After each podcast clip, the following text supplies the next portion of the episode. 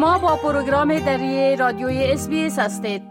سخت جنین یکی از خدمات صحی مهم است که در استرالیا فراهم می شود اگرچه زنان در سراسر کشور به گزینه های پایان دادن حاملگی در مراحل اولی دسترسی دارند اما این گزینه ها همیشه واضح یا به گونه وسیع دانسته شده نیستند. در حدود 40 فیصد از حاملگی ها در استرالیا ناخواسته اند. از جمع اینها تقریبا 30 فیصدشان با سقط جنین پایان میابند و بیشتر سقط ها قبل از هفته دوازدهم بارداری رخ می دهند. پروفسور دانیل مدزا رئیس بخش طب عمومی در پوهنتون موناش است. او می گوید قوانین سخت جنین که قبلا سخت گیرانه بود در جریان چند سال گذشته به طور فضاینده سهل تر شده. Abortion is now decriminalised in Australia, which means that it is a legal procedure and is able to be accessed through the healthcare system. The issue is that legal doesn't mean available. Uh, it's one thing to make it legal, and it's another thing to have it available and accessible to women because the availability of it depends on the workforce to be able to provide it. یک دهه قبل بیشتر سخت جنین ها بر روش جراحی و در مراکز خصوصی انجام می شدند. اکنون که پایان دادن طبی بارداری به حیث یک شیوه متبادل فراهم می شود دسترسی به آن به تدریج افزایش می یابد اما صرف ده فیصد از دکتران عمومی برای صلاحیت تجویز دوای مورد نیاز ثبت نام کردند و طرق دسترسی به این خدمات همیشه آسان نیستند. پروفسور مادسا توضیح می دهد که قانون سخت جنین مربوط ایالات است لذا در آنها با در نظر داشت محل زندگی شما تفاوت های جزئی وجود دارند Victoria is the most liberal in terms of its laws, but other states have, for example, gestational limits. as to how far into the pregnancy an abortion is allowed. The states have rules around who can give authority for an abortion once the abortion is occurring late in the pregnancy, say beyond 20 weeks. قوانین سخت جنین تضمین می کند که زنان هنگام صحبت با دکتر خود صرف نظر از این که ممکن این صحبت قدر دشوار باشد از حقوق برخوردار باشند. most women should be reassured that if they require an abortion and present to their doctor, that at the least the GP should refer them on to the appropriate service if they don't provide the service themselves. And that's a very important point that we do have conscientious objection clauses in the law that require doctors to refer women to other providers if they have a religious or other objection to providing abortion or discussing abortion. شرم و ننگ مرتبط به سقط جنین اکثرا در جوامع متنوع از نظر فرهنگی و زبانی در مقایسه با نفوس عمومی کشور بیشتر است.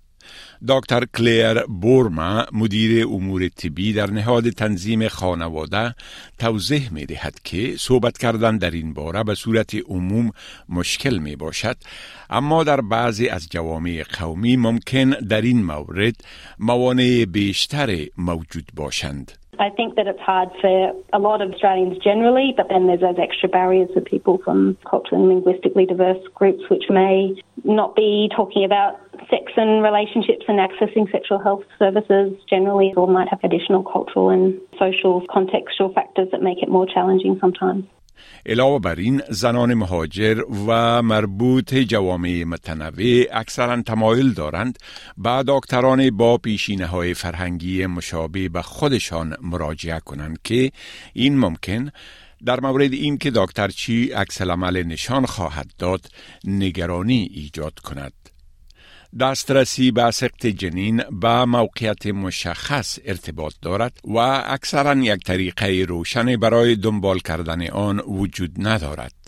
دکتر بورما می گوید که دکتر عمومی شما باید بداند که چی خدمات محلی در دسترس است سپس آنها می توانند آزمایشات اولیه را برای تایید این که یک زن در چی مرحله زمانی بارداری خود قرار دارد انجام دهند. It depends partly on how far through your pregnancy you are, what options are available to you, also where you're living. Unfortunately, does affect what services are going to be available and whether you might have to travel sometimes for services. There are limited abortion services offered through public hospitals, and so if you're needing to look at what your choices are, talking to your local healthcare professional might help guide you. در حال حاضر دو نوع سقط جنین وجود دارند. اولی سقط جنین طبی از طریق یک دوای تجویزی خوراکی است. این گزینه فقط برای زنانی که زیر هفته نهم بارداری هستند در دسترس است. پروفیسر ماتزا توضیح می دهد که این گزینه شبیه سقط غیر عمدی است که به صورت طبی انجام می شود. A medical abortion is akin to a medically induced miscarriage. The doctor will counsel her about that, check to make sure that the pregnancy is not an ectopic pregnancy. Then she can be prescribed the medication, and that medication causes the pregnancy to be expelled, as it would be if she were having a miscarriage. So, medical abortion can occur at home with the woman supported by her friends or her family. این دوا توسط بعضی از دکتران عمومی، کلینیک های خصوصی و خدمات تنظیم خانواده فراهم می شود. این دوا ممکن از طریق مشوره تلفنی یا ویدیویی تلی هلت تجویز شود که این شیوه دسترسی به نفع بیماران در مناطق روستایی می باشد.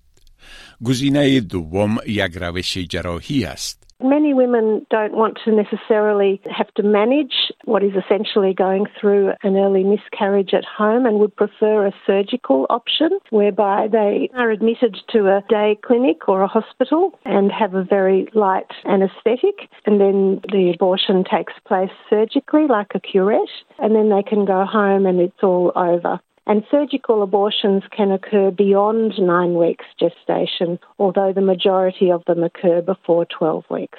برای یافتن یک خدمت از این نوع می توانید با دکتر عمومی خود صحبت کنید یا با یکی از خدمات ارجای ملی یا ایالتی تماس بگیرید. یکی از اینها هلت دایرکت یک خط کمک ملی رایگان 24 ساعته است که شما را با یک پرستار ثبت نام شده مرتبط می سازد.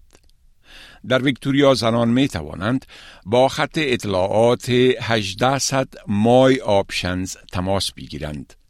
کسانی که در نیو ساوت ویلز هستند می توانند با خط راهنمای گزینه های بارداری تماس بگیرند. دکتر بورما می گوید که کلینیک های تنظیم خانواده هم خدمات مختلف را در سراسر استرالیا فراهم می کنند. از آنجایی که بیشتر خدمات سقط جنین در بخش خصوصی فراهم می شود، مصرف یک عمل می تواند با در نظر داشت وضعیت شما بسیار متفاوت باشد.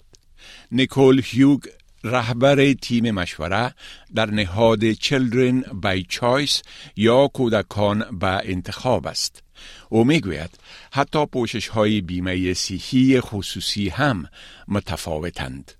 we actually find that majority of the women that we work with are not able to access their private health insurance, that it is not covered. by their private health insurance and they have to pay full costs. So private health insurances, which, you know, majority of international students need to have to be in Australia, generally cover termination services within a tertiary hospital, but not within a secondary hospital like the day surgeries, which is where most of our surgical terminations do happen. چند مرکز صحی مربوط پوهنتون ها هم موجودند که خدمات سخت جنین را فراهم می کنند.